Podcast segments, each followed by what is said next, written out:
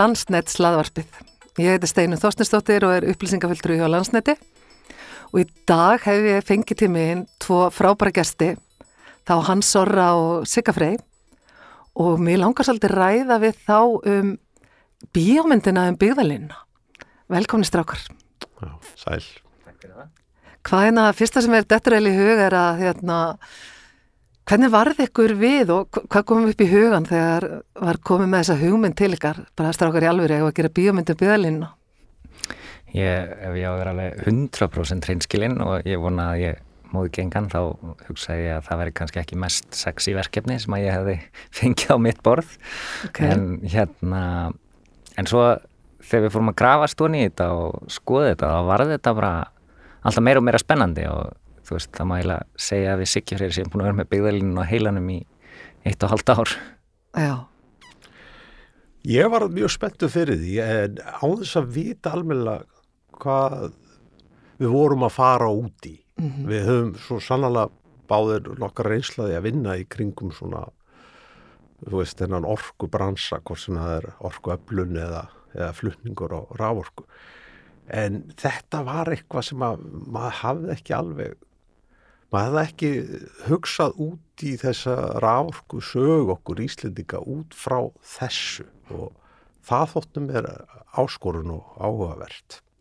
Já, maður getur rétt í humd sér að það verður svolítið áskorun að, að fara ekki, þú veist, að tellja stöyra og, og nagla og línur og, og þú veist, alla þessa statistik sem er í kringum þetta.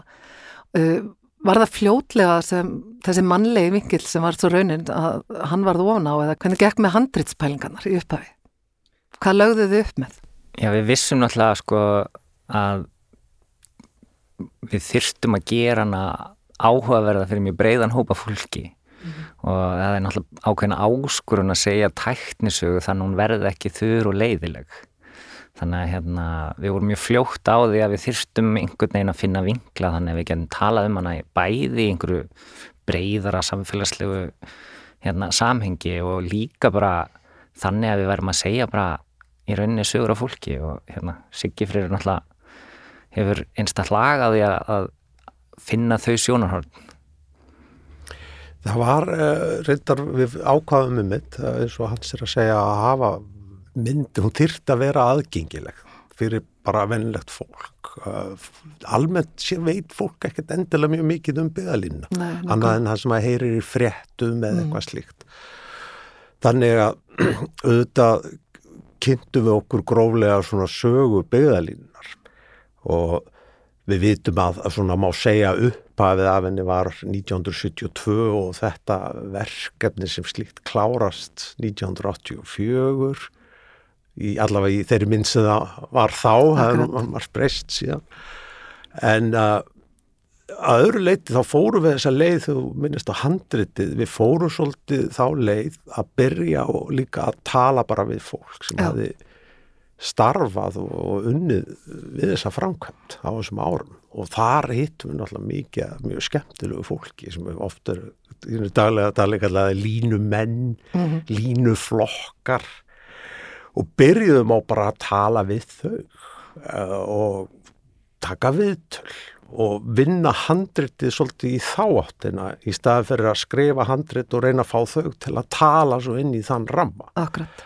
sem að gerir þetta náttúrulega þannig að þetta verður líflegra fyrir vikið en það er svona svolítið verið að vinna þetta svolítið organíst og, og þetta er spunnið á mikið upp og líka þessum viðtunum við hvað að segja, fullt af skemmtilegum karakterum sem við mm. hittum hann að þetta er uh, Gísli Hermans og sem var lengi telja og fyrir Norðan Marja og Einar og ég ætla nú ekki að telja það og auðvitað komust ekki allir að. Akkurat. það var, var, það er fullt af þetta var ekki tæmandi list, það er fullt af fólki sem starfaði við þetta, vann við framkvæmdina og sem við töluðum ekki við. Mm sem eru örgulega mjög skemmtilegt fólk líka að gáttu bara ekki allir komið stað í myndinu. Nei, þetta verður kannski bara serja, frekar en einstök mynd. En maður veldir bara fyrir sér þegar maður fær svona verkefni í hendunar og þú veist, þetta er risa stór saga. Að, þú veist, það lítur að vera svolítið flókið að, að velja hvað á að vera og hvað á ekki að vera. Og hérna, því þetta er nú bara ein bíómyndin ekki flokkur, ekki en þá. Að, hvernig, hvernig gekk það að svolítið svona sikta út hvaða væri raunverulega áhugavert og hvað þetta heima kannski einhverju öðru? Já sko, það sem er áhugavert við þetta náttúrulega og það sem að gerir þetta rosalega flókið verkefni er náttúrulega líka að hérna, sjálfsaga byggðalínunar er ekki inn, samfelt ein ákvörðun um að reysa ringtingingu heldur var þetta samansamna fullt af ákvörðunum. Það var bara að byrja að gera hérna línumilli skafjörðar og akvurirar og svo var ákveðið að halda áfram og svo var ákveðið að ringtingja og þetta verður við, við rákum okkur fljótt á það það er svolítið erfitt að, að segja þá sögu öðruvísin að hérna útskýra hana svolítið vel. Mm -hmm. og hérna án þess og aftur án þess að verða svo leiðilegur í því. Þannig að þetta bara verið upptalningar á einhverjum ákvörðunum einhverja ráðamanna og svo hvernig gekk að reysa það og, og þess vegna eins og við vorum að tala með bara þennan mannlega þátt að veist, í þessum viðtölum okkar við þetta fólk og, spjalli og þessna þá komumstu mjög hratt að því að það var alveg bara aðra grúi af skemmtilegum litlum sögum þannig innan. Veist, þetta var 12 ára ferli, þetta fólk ferðaðist um landið í búðum og bjóð saman. Og það bara bjóð til alveg fullt af efni fyrir okkur. Mm. Sem var skemmtilegt og áhugavert og, og hjartnæmt og fallegt sko. Þannig að hérna, það varð svona fljótt ljóst að við gætum farið svolítið á dýftina þar. Og var fólk alveg, nú er þess að heppina að ég var með ykkur, fekk að vera með ykkur í þessu verkefni og, og hef séð myndina og get tekindur það, það er fullt af fallegum litlum sögum. Var fólk alveg tilbúið að segja ykkur sögun eins og hún var eða? Já, já, já, já, eins og það manna líka, já, sko, það er nú svona misjamt, sko. Já, allir, allir mjög opnir og tilbúinur að segja allavega allt sem að uh, þau eða viðkomandi var að upplifa þið ekki fengið svona hérna, off the record sögur? Uh, já, svona aðeins, ég held að þetta hafi nú stundum verið skemmtilegt og svolítið vilt á sveitaballunum og mm. svona, mm. það var eitthvað sem var ekki alltaf þarna sko Þetta var rest oft. Það voru nú nokkra sögur sem rötuð ekki í myndinu sem voru rétt skoðaðar út sko. Þannig, já, já. Já, það ykkar völdum en ekki þegar þessu sögur sögur. Já, já. Jú, og líka, og líka fólk, ég er hérna, mann og eftir að fólk hafi sagt þetta má ekki fara í myndina en ég ætla að segja ykkur þessa sögur. en svo er þetta líka þannig að, að já, eins og hans var að segja og það sem við lendum í er að þetta er, þetta er langt tímabil það voru margar góðar sögur mm -hmm. og einhvern veginn sá ekki endilega fram á að við kæmum þessu öll að indislegt og kvikmyndaformið er þá er það svona línulegun miðl það er ekki auðvelt að vera að hoppa mikið þá missir maður áhandanum leið mm -hmm. og, og í dag skiptir fólk náttúrulega bara um sjónastöð og svo er það líka alltaf spurningum að hafa myndemni okay. til að fylgja sögunni Já, hvernig gekk það? Það gekk mjög vel eh, í mörgum tilfellum en svo voru sögur sem eru áhugaverðar en ja. við eigum, eigum ekki eða áttum ekki ekkert myndefni til að steyðja við það. Nei. Þannig að það, eh, við getum ekki síntað, þá er það alltaf mjög erfitt og þá er farið ákveðna leiðir í, sem við ákveðum að gera ekki að farið í að teiknum hluti eða mm. það sem gera menn gera er leikin atrið, við vorum ekki þar Nei. sem að alltaf, getur alltaf orðið hálf kjánulegt líka það er ekki rétt kert Akkurat. en um, enga síður þegar komaði að velja að hafna og höfðum við nóg úr að móða til að halda sögun alltaf áfram Við vorum bæðið náttúrulega að taka nýja myndir og, og svo fóruð í tölvera leitir það ekki af gömlum myndbrotum sem við hefum heyrt af og, og kannski ekki eins og heyrt af en rölduðu til okkar Þetta gekk gekk mjög vel. Það voru varmyndefni sem við vorum mikið að leita að sem að við fundum aldrei og, og þetta var myndefni af fyrsta kaplanum í þessari uppbyggingu sem, er, sem við kallaði var rauðuhundurinn sem er tengingin á milli skagafjörðar og eigafjörðar og mm. við vorum aldrei að finna þetta myndefni en svo fannst þetta loksins á minnjasafninu á Akureyri þetta er oft hann að kemur svona síndal, gettu hvað ég fann. Já, neðst í kassanum Já. undir vaffáispólunum þar lág ræman þú veist, óskönnuð. Já. og það var algjörð gull að fá hana að finna þessa uh, filmu því annars hefðum ekki verið með neitt myndefni að því þannig. Og svo talandu myndefni, það kom mikið af myndefni sem við áttum uh, fengum frá uh, bæði sem var gamalt tekja rarik og annars slíkt sem að var svona, svona heimild frá þessu tíma sem gekk mjög vel. En það sem var til dæmis uh, gull í þessu var að það var eiginkona eins uh, línumanns sem að var að starfa hann við Frankvændina hún hafi verið að að hérna taka upp á Super 8 myndavél bara svona handahói þú veist bara myndir, svona daglegt líf í búðunum? svona daglegt líf í búðunum. Okay. og þegar við sáum þessar myndir þú veist þetta var einstakt. Já. því að hún er bara vinkonan og mamman og, og eiginkona og ég held hún hafi líka starfað aðeins í framkvæmdini svona var hluti að ráðskonu teiminu og þá náðu hún nær svo vel utan, hún nær þessu mannlega þætti sem, að, sem maður er ekki alltaf að sjá þegar það eru svona fagmenn sem koma og eru að taka myndar frá kantinu, þá eru þeir að mynda stöyra tengingarnar og Já, og menn setja sér ákveðna stellingar. Já, menn setja sér stellingar og hvernig það var skrúa mm. saman og eitthvað slíkt. Þarna fengum við mjög gott myndefni og þetta var til dæmis eitthvað sem kom til okkar í gegnum gegnum uh, mann sem að ég var einmitt að starfaði við þetta. Akkurat, mm. þannig erum við þá að tala um myndir sem hafa ekki verið síndar ég fyrir almenning áður. Alls ekki, en ekki sé þetta áður, eh, allavega ekki almenningur. Akkurat. Og ég held þessi meira til. Já, það var, og það sem er svo líka gaman við þetta efni er að líka það gerða okkur kleift að segja líka þessa mannlega sögu betur og líka bara og eitt sem við lögum svolítið upp með í byrj upphafi var að, hérna, að því að tilnefingin svona fyrir tíma í, í frásögnum tæknisögu hefur alltaf verið frekar karlæg Emmett.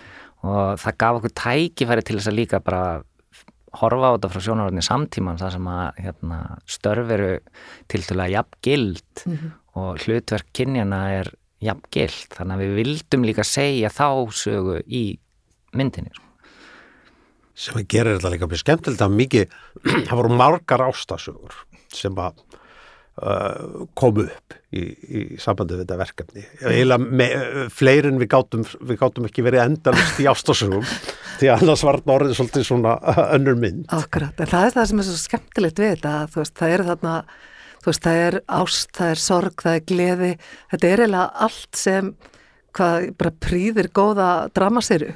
Já, já Já, enda vildum við gera þetta heilli sériu, sko, helst. það er hægt að segja, segja þess að sögu út frá mörgum vinklu. Akkurat. En hérna, það sem er líka bara, það sem er líka mikilvægt í þessu er að hérna, að því að öll þessi, þú veist, það er svona tilheng til þess að tala um tæknikerfin og þú veist, innviðin okkar út frá ákvæðinu sjónarhortni. Mm -hmm. uh, og það sjónarhortni er oft út frá þeim bransa sem að, maður er að tala út frá og þá verður oft mjög sjálfmiðað. Þar að segja samfélagslegi hlutin gleimist og það sem við vildum líka segja með því að sína þessi, þessa mannlega hlið og líka með því að setja þetta í samengi við hvað var að gerast í samfélaginu á saman tíma þá erum við að diffka það hvaða, hvaða mikilvægi þetta hafði fyrir samfélagið á þessum tíma. Mm. þar að segja, jú, flutningskerfum landið er til í dag og, og hefur ákveði hlutverk og flytur okkar rafmagn en við tökum og að lítið eftir því að því að það virkar. Eh, en hérna það er náttúrulega bara á þessum tíma þá er það bara hlut af einhverjum orkuskiptum sem er í gangi. Mm -hmm. eins og kemur fram í þessari mynd þá eru við Íslendingar á þessum tíma 1972 eru að brenna ólí út um all land til þess að framlega rafmagn í landið sem er til gnægt af endurnýjarlega raforku og, hérna, og það er náttúrulega bara bæði fjárhagslegt fyrir samfélagið og líka skiptir máli bara orgu öryggi og, og, og bara flutningsöryggi og allt þetta. Þannig að við vildum líka koma því inn að horfa á þetta sem mikilvægað hluti fyrir samfélagið. Og Já, sem að var að, svona áhugavert sem að voru að kafun í þetta er, það er svona þetta orsök og afleiðing. Mm -hmm að veist, þörfin fyrir að, að, að dreifa rafmagnið eða flytja rafmagnið sem við segjum í dag og byrja að tingja svona orkusvæði saman það var alltaf hérna, bæði var hann alltaf styrist þetta um skort á rafmagni. Eins og, eins og auðvitað. En hérna það var bæði tvent annarkort var að framlega meiri rafmagn í heimasveit eða flytja það frá einhverjum uh, orkustöðum sem er að framlega rafmagn annar staðar. Einmitt, það er einmitt svo áhagvert í myndinni að, að maður gerir sér grein fyrir því að þetta var svolítið svona, við veitum hvort að sjálfstæðis bara þessi rétt orðið, en þetta var svolítið svona sko fyrir sveitina, fyrir bæjarfélagið, svolítið svona identity að, að geta verið sjálfins en nægir í, í hérna rafmagninu. Já, heldur betur og, og það er komið inn á þetta í myndinni og það hefði verið hægt að fara enn meira en það, það veist, kröpluvirkin er ekkert annað en þú veist norrlendingar vilja bara vera sjálfur sér nógur um ráður sko. Já, vildi ekki hunda sunnan. Ekki, og svo, svo eru svæði líka sem er svo áhverst og koma aftur á dísel í dag hugsa menn byttu voru þeir að brenna díselolí til að framlega rama, hvernig getur það verið? Við erum með nú að vassabli og allt þetta.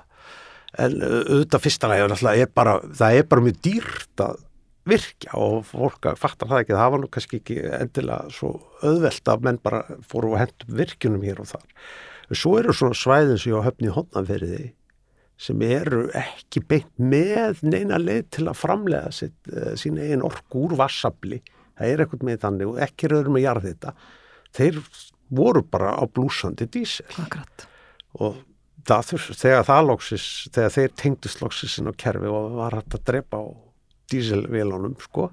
Það eru svona staðir og vestfjörðum er ekki þó að það er mikið fjallendi þá er ekkert megin ekki svo auðvelt að framlega end, uh, orku úr uh, vassabli eða eitthvað slíkt. Þannig að þeir þurftu bráð, uh, þeir þurftu bráðnöðslega að fá tengingu en það sem að kom okkur óvart var einmitt óljan Já, hvað, hvað var mikið, hvað það var stór þáttur. Hvað hún knúði þetta áfram og hvað Akkurat. leiðu menn fóru að rekna dæmi bara, fóru að horfa á þetta og hugsa, er, vá, er, þetta er bara rándýrt að gera þetta allt með ólju þegar óljukreppan skellur á þá allt í lupplast, reknist dæmi allt öðru sem við og þeir fóru að hugsa, herru, það er bara ódýrar fyrir okkur að við verðum bara að fara að tengja þetta og, og framlega meiri rávorku sjálfur Það er ekki þessi fína lína í myndinni að gældriðsjáðurinn hafi tæmst við komu hvers olíuskips.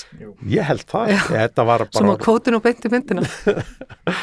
En að því að þú nefnir þetta með hérna, þennan, þennan hérna, eitt af mínum uppáhalds íslensku orðum sem er repparígur það, hérna, það verður svo augljóst í það, þú veist, það maður sér það þegar það er vera að rífast um að fá línu söður, norður að í og meiri segja milli skafjara og eigafjarar mm -hmm. að, hérna, að það sem er áhugavert er að þessi repparíkur hann næra alveg ná alþingi sko. menn er að breyta heitum á einhverjum þingskjölum til þess að sætta einhverja repparík sjónamið á fyrir norðan sko, sem, er, sem er áhugavert og og svona svolítið skemmtilegt og sér íslenskt. Já og eiginlega bara saga út af fyrir sig. Mm. Já, sagan hann má segja marga sögur í kringum þetta og, og líklega eins og skemmtilegast það er þegar, þegar hérna, það er virkja hérna í sóginu og, og svo er ramaglagt hérna til Reykjavíkur. En auðvitað var þetta allt með samningum við að Akkur. þeir á Selfossi fengjur ramag líka. Ja og þetta, þeir henni á Reykjavík ekkert mál, þau eru búin að virkja áfáið þeirra ámag mm -hmm. svo þegar allt er komið í gagni þá koma þeir á Selfossi í Árnisíslun og segja, já já, nú er bara allt tilbúið hvernig fáum við okkar ámag og þá segja þeir henni í Reykjavík þetta er svona stuð það er bara ekkert, ekkert mál, við börjum að fá ámag núna á morgun, þið verður bara að leggja línu. Það var aldrei búið að ræða það Nei. og auðvitað kostar það svo mikið að segja að það liður tíu ár þá kan það leður fyrir loksinsfengur Þið verður bara að leggja línu, er Ákvæmt, en mér er líka svo ágæðavert þegar maður hérna, veldur þessi fyrir sér og horfir á þetta að það er pínu svona ekko frá hérna, þessum tíma sem byggðalínu var að fara á stað fyrir 50 árum og í raun og veru bara staðsinn sem við erum á í dag. Við erum að tala um hérna þegar byggðalínan er reista, það er stríð fyrir botni miðjarhafs, það er olíukreppan, það er skorturinn uh, eins og þú myndist á hans hérna, orku skipti og við erum eiginlega bara á þessum staði í dag líka. Já, það var sko mjög fljótt eða þú veist okkur var það mjög fljótt ljóst eftir við fórum að taka svona viðtölu og tala við fólk að það eru svo mikil líkindi með Já. samtímanum sko að þetta eru sömu viðfangsefnin í rauninni um, og ég hérna einmitt fór ofta að hugsa þetta út frá því að sko að því að okkur er svo tíðrætt um orkuskipti í dag Já. svona eins og orkuskipti þetta séu fyrstu orkuskiptin sem eigi sér stað í landinu Mhm. en auðvitað erum við búin að gangi í gegnum svona, hvað maður að segja bylgjur orkuskipta í gegnum bara síðustu öll akkurat förum úr kólum yfir í ólíu á einhverjum tímapunkti við förum úr ólíu kyndingum yfir í hitaveitu hér í Reykjavík. Uh, á þessum tíma þarna í kringum 70 er verið að hitaveita væða landið. Það eru náttúrulega orkuskipti sjálfu sér. Já, og eins og kemur fram í myndinni líka að við erum að fara úr stóru amerísku dregunum yfir í litla sparnetna japanska smábíla. Já, og það er eitthvað sem maður gleymir stundum. Já hann talar einmitt um það hann Stefán sko að bara, og það er náttúrulega líka bara trend í heiminum. Heimurinn er að breytast þegar það kemur þarna olíukreppa 72 OPEC ríkin hækka olíuverð upp úr öllu valdi. Og það hefur bara greiðilega áhrif á bara allan tækjabúnað á bíla og hvernig lönd haga sér gagvart olíu. Akkurat. olíu sem að við vorum vöna að kaupa ódýru verði í miklu magni var það allt í nú dýr og erfitt að fá. Þannig að hérna og það, þau, þau líkindi við svo núna þegar við erum að reyna að fasa út olíu alveg eru náttúrulega mjög mikil sko. Já, það má vel að segja að þetta sé svona samfélagsspil svolítið þessi mynd. Já, ég kannski já, við erum svolítið aftur á eitthvað svona ákveðnum stað í dag þar sem að þetta er enn og aftur það við þurfum að gera eitthvað það vísur það ekki, ekki hefur ekki svo mikið mikið aldir en okkar að gera lengur þetta er lofslagsmál Akkurat. og uh, það kalla náttúrulega bara á löstnir í bæði þurfum að finna leiðir til þess að bæði að fá meiri orku og flytjana og orkumál bara skipta gríðilega miklu máli allstar og sjá, við sjá núna bara hvað er að gerast í Evrópu með orkumálum þar. Við erum náttúrulega bara svo heppin að við erum algjörlega sjálfum okkur nóg og þetta hefur engin áhrif á okkur hér í okkar einangra hérna, í okkar einangra orku heimi Já, það er alveg En- hárétt hjá þér og við erum hérna, það, það er alveg forréttindi þessi staður sem við erum á í dag sko. Það er algjörlega þannig. en út frá loftlagsmálunum þá er það líka áhugavert að skoða þennan, þessa fortíð sem við eigum sko, Einmitt. og það sem við byggjum á þar að því í rauninni eru Evrópubúar enn þann dag í dag í þeirri stöðu og þeir eru að kynda húsin sín með gasi mm. þau eru að hérna, framlega rafmagnir sitt með gasi að miklu leiti uh, þó að hlutur hlutdeild endurnýjar orku sé að aukast í Evrópu Uh, en við Íslendingar fórum í þetta ferli fyrir löngu, sko. við vorum loftlagsvæn áður en það var cool sko. Skiljið. Vi, við erum búin að Já. hittaveituvæða húsnæðin okkar eigum endurnýjulega raforku Mm. þannig að Íslendingar eru að mörguleiti mörgum skrefum og undan í þessum loftlagsmálum á þess að hafa endilega ætlaði að gera það þeirra vegna sko. Nei, akkurat. Og hérna ég var einmitt að hérna já nákvæmlega Akkurat.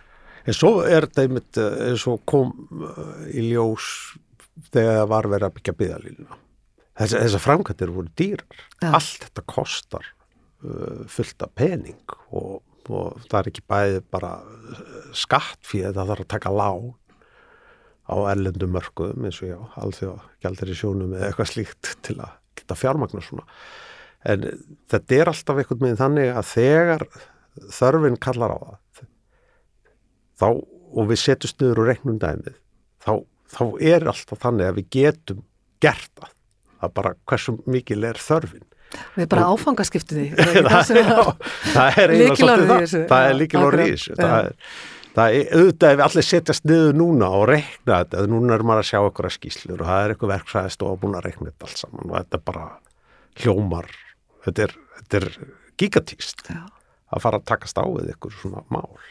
En nú voru þið alveg á kafi í þessari sögu og hérna eru bara okkar helstu sérfræðingar í, í byggðalínu sagfræðinni. Uh, manni finnst stundum eins og þetta hafi bara verið svona, ég segi ekki skyndi ákvörðun, en það hafi ekki verið búin að hugsa þetta mjög lengi þegar var svo lagt á stað með hvað óhannaða línu og kannski lítið staðsetta.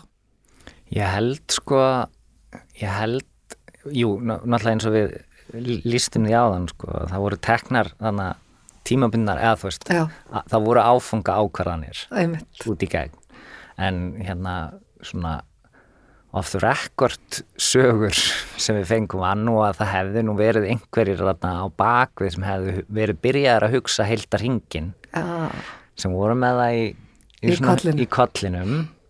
Þegar þeir eru að, að þrýsta á um ein, einstaka framkvæmdarleðir sko. þannig að jú, væntalega hefur einhver verið búin að hugsa fyrir því að það væri nú snjált að hringtengja landið og gera þetta. En, en þú veist þó að hérna kakvart stjórnvaldi og kakvart ríkinu hafi ákvarðinar verið teknar í áfengum sko. Já, Já, maður hefur á tilfengu, þetta var, uh, já, þetta er alveg, alveg rétt, þetta er eins og að hafi einhver haft einhverja svona heldamynda Mhm. að þessu, en svona almennt sé var að vera að afgreða þetta oft fyrst manni bara árið, frá árið til árs, Akkurat. bara í fjárlugum, hverjum fjárlugum fyrir sig, var svona, já, já, ég hef ekki að reyna núna, byggja, klárum að byggja allavega þennan kapla á og Og- svo til hvað næst. að sjá næst. Og auðvitað voru töluð sumir eh, af þeim sem unnu við þetta svona, þessi gömlu línumenn að þetta var oft va, þetta var van fjármagnað á köplum og það var ekkert efni, var ekki komið og og þetta var svolítið unnið þessi íslenska leið, þú veist að- Það reddast. Já, þetta rettast, þau þurfum bara að gera þetta, þau þurfum bara að drífa þetta áfram. og, og það er, er stór partur á sögunni. og það má ekki gleymast heldur á þessum tíma í íslenskri efnahagssögu þá er náttúrulega það eru gjaldir þessu höft það, er, það, er, hérna, það eru ákveðna vörur sem má ekki kaupa inn og út á þessum tíma þannig að það var oft erfitt að leysa út bara efni í framkvæmdina sko. hérna, hann sagði okkur hérna, Guðmundur Sagfræðingur sem við tölum við í myndina á þessum tíma voru miklar, mikil rifrildi á alþingi um hvað mætti vera flutt inn og hvað ekki og umræður um það hvort það ætti að leifa að flytja inn litasjónvarp og að, mjög heitar umræður um danska tertubotna sem mátti sem þeir vildi ekki leifa að þeir eru fluttir inn að það var náttúrulega verið að halda í gjaldirinn í landinu sko. Akkurat. Áhugavert. Já, þetta var, var bara allt annar tími hvað þetta var. Já, og það er líka svo þegar maður horfir á svo myndir svo þessa með glerugum dagsins í dag það var náttúrulega ótrúlega margt þarna sem maður svona, kemur svona bara vávingill á mann, þú veist. Landslægið, aðstæðuna sem þessi menn voru að vinna við, öryggismálin. Var, var þeim hérna, þeir sem þeir rættu við, var þeim tíðrætt um þessa hluti? Já, ég náttúrulega ég, hérna, við, við Siggi höfum náttúrulega ákveð, ákveð laga á því að veiða upp úr fólki alls konar hluti sko. Þannig að hérna, en við náttúrulega spurðum líka út í þessu öryggismál líka bara að því að þau eru áhugaverð í þeirri svona öryggisvæðingu sem hefur átt sér stað á síðustu árum á, í, í hérna bara yðnaði og framkvæmdum sko. það er hérna, öryggismenning er allt í norðið konsept, ég held að það hef ekki verið til neitt orð sem heitir öryggismenning á þessum tíma. Nei, það er hár rétt hér og hérna þannig að þú veist og það er líka áhugavert að sjá bara þú veist menn er að reykja hangandi hálfur einhverjum stiga upp á einhverjum staur sko. Já, er ekki eitt skotar sem hann kveikir í dýnavitinu með sigritinu Jú. Jú, jú, Já, akkurat þetta er, er nú ekki leift í dag, sko. Nei. En, uh, og við heyrðum nú nokkra sögur sem að fóru ekki inn í myndina um, um meðferð dýnamíts. Já, akkurat sem voru svona kannski vafasamar í lagi. Já, þannig að hérna jú, og það er líka það er samt líka bara svo skemmtilegt sko, að hérna það eru 50 ár liðin síðan og það er bara, við erum bara allt annar heimur í dag já, og maður, sko, maður sér myndir sem eru, það eru náttúrulega eru myndir í myndinni. Ég get ekki almennilega ímynda mig samt ennþá hvernig er að vera upp á miðri holtaveru heiði eða, eða jafnvel á þessum heiðum þingmanna heiðið eitthvað inn á vestferðarkalkanum og þeir voru að vinna að vetri til Já. bara í kulda flýta sér að klára þetta. Svo væri hægt að drepa á dísil og koma rafmagn á. Og ég get ekki enn, enn ímyndum hvernig það væri að vera að vetur, sko að vinna svona vinna vetur, þetta er, þetta er svo kallt og það þarf að ég, þeir hljóta náttúrulega að hafa að stoppa eitthvað en, en þeir voru að vinna þar og oft alveg langt fram í fram að jólum. Og svo náttúrulega sér maður bara á myndunum ég meina að þú veist hlýjasta flíkin þarna er náttúrulega ullapeysa bara. Já, já. það er engin í Talandi það. Já. talandi um vinnufatnaðinn, Já. það er engin í flís eða prímaloft eða einhverju, svo leið sko. Það eru bara allir í ullapeysum og með ullarhúur akkurat. Og málið dött, algjörlega. En það er einmitt þegar og ég hef sagt við fólk að hérna veist, þegar keirir hringin í kringu landi og þessi lína kemur líka fyrir í myndinni þú veist, horfið á hérna möstrin og línunar og hugsi til þessa manna og kvenna sem sko ristu þessa línu. Þú veist, við þessa erfiðu aðstæður. Það er mjög skemmtilegt. Við síndum sem sagt eh, myndina samstagsfélagum okkar. Já, það er mikið á ungu fólki. Það er einn stelpa sem að sagði já ég var að keira með mömmu á vestfjörðum og hún var alltaf að benda á þess að staur og segja hvernig fóru þér að þessu, okkur- hvernig var þetta gert hvernig fóruð þér að þessu og svo sagði hann reyndar ég hlaka svo til að mamma sjá myndina því þá mun hún vita hvernig það var Já, gert sko. það er nákvæmlega þannig. En eh, hérna, eigið uppáhalds leggi byggðalínu hringnum er, er hérna, einhver, einhver línulegin sem heitlaði ykkur meira en hinn. Kanski ósangert að spyrja þessu. Já, svona, ég náttúrulega, það er alltaf fyrstileggurinn uh, uh, hérna, svo, svo kallega rauðu hundurinn tengingin á milli skagaferðar og eigaferðar það er svona, svona uppáhald. Svo vesturlína sem er línan sem að tengir vestferðarkjálkan við kerfið. Hún er það hefði verið hægt að við hefðum geta gert alveg bara heila mynd þar sko. Já, það, veist, hún, það skilst mér á öllum að það var erfitt. Mhm. það var erfið. Á öllum, það var bæði erfið framkvæmt það var líka erfitt uh, hvað var það uh, hérna sjálft sko hún var, hún, það var, það var óstöðugt uh, bæði stjórnmála hérna stjórnmálinn hérna á landi peningavandamál það var að vera afgreð í svona bútum og var víst allt erfitt Mhm. við þá framkvæmt þannig sko, þetta kláruðu menninir þetta en þetta er bara svo erfiðar aðstæður og það þurft að klára. það var þurft að þannig. klára Eh, þannig að ég myndi segja þessi, þessi tveir kaplar í mínum huga já, Erst þú sammálið þessu? já mér, sko rauðhundurinn finnst mér svo skemmtilegur að því að, að bæði er hann fyrstur og svo eins og kemur fram í myndinni það var bara, hérna, það var ekki búið að draga stryk á korti þegar hún er gerð sko, og ekki búið að hanna neitt og hérna Átni Jón sagði okkur svo skemmtilega frá því að hérna, það voru bara tekna teikningar af hérna, sveita rafæðingarstörunum og teikningarna voru bara stækkar Já, bara bústa. það var ekkert verið að hanna nýja stæðagerð eða hérna, stauragerð. Þannig að hérna, mér finnst það svolítið skemmtilega, skemmtilega íslenskt að menn bara fengu þetta verkefni og þeir bara tóku teikningarnar og stækkuðu og kláruðu þetta og hérna það, það er eitthvað svona heillandi heillandi framkvæmda gleði Íslendinga Já. endur speglast í því sko. Og talandi um framkvæmda gleði Íslendinga og, og nafni Rauðu hundurinn. Og Já. því er nú velt svolítið upp hann í myndinni hvaðan þetta nafn kemur. Og þú veist, þessi, þetta uppnefni sem var á framkvæmd sem var reysa stór. já, Það er svolítið skemmtilegt í kringu það líka. já það, það rauði hundurinn, hundur hundur að sunnan. Svo þeir á östförðum Já. töluðum hundina norðan. Þeir vildi ekki fá hunda norðan. Nei, þeir vildu ekki tekjast við kröpluvirkjun þeir vildu fá sín eigin stóru virkjun sem var bestastaðavirkjun ef ég mann rétt. Það eru allir, voru allir með þetta.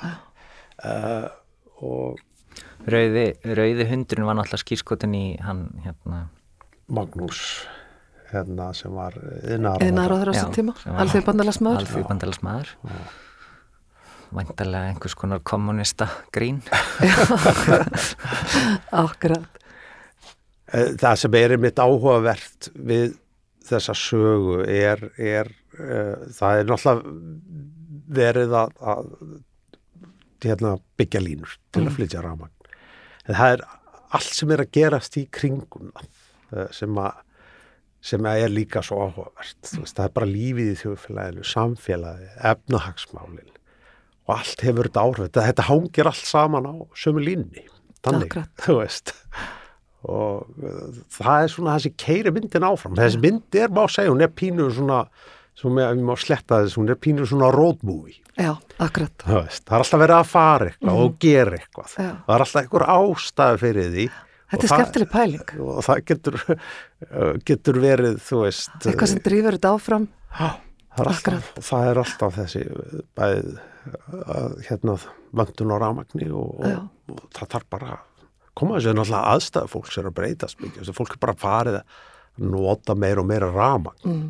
það veist og ég held að fólk gerir svolítið greið fyrir því að þegar rámagni fyrst kom þá fólk þurfti ekkert endilega á því að halda. Þannig að alveg fyrst. Þannig er ekki Til fyrir að geima gleru og nagla Já, það voru ískapanir sko. Já. en eða sko þegar, þegar, það er nefnilega eitt við það sko. Þurft ekki á að halda eða vissi ekki að það þurft á að halda. Ég, það er svona það, það er held ég svolítið leikurinn sko er að þú veist við í dag erum orðin svo rosalega háður ramagni að hérna við getum ekki verið án þess. En, við, en fyrir vikið erum við líka með alls konar þægindi, við erum með alls konar veist, hluti sem eru nöðsynlega fyrir okkur til þess að vinna vinnun okkar til þess að, þú veist, borða mat sem er ekki vondur, myndi ég segja. Og hérna þú veist, þa- þannig að undirstaða allra lífskeið okkar er í rauninni rafmagnir og þess vegna held ég sko þegar fólk segir við þurftum ekki á því að halda þá þá er, þá er ég mm, þú veist, ég er smá ósamála þú bara vissir ekki og þyrstir það. Akkurat átt er ekki á því hvaða félst í, hvað félast mikið lífskeið í því að geta búið í uppbyttum húsum hafa aðgangað ískáp allt þetta Einmitt. Einmitt. Er hérna, hvað tekur svo við? Hvað tekur við hjá ykkur tömur? Er, er hérna, framöndan þáttaserja eða þeir eru með efni í, í fjölmarga þætti um rafmagnu Íslandi? Er eitthvað framöndan í þessu? Annað en að framtíðin sé rafmagnuð?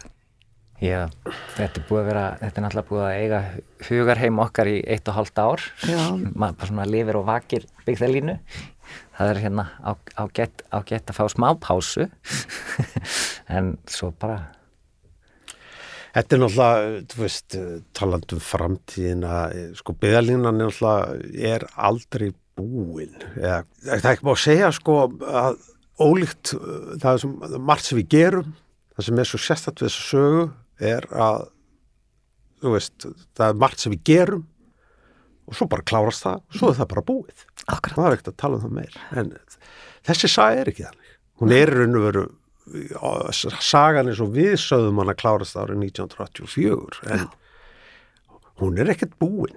Það, þetta er endalust verkefni, bara eins lengi og við erum háður afmagni sem er ekki að fara að breytast sig.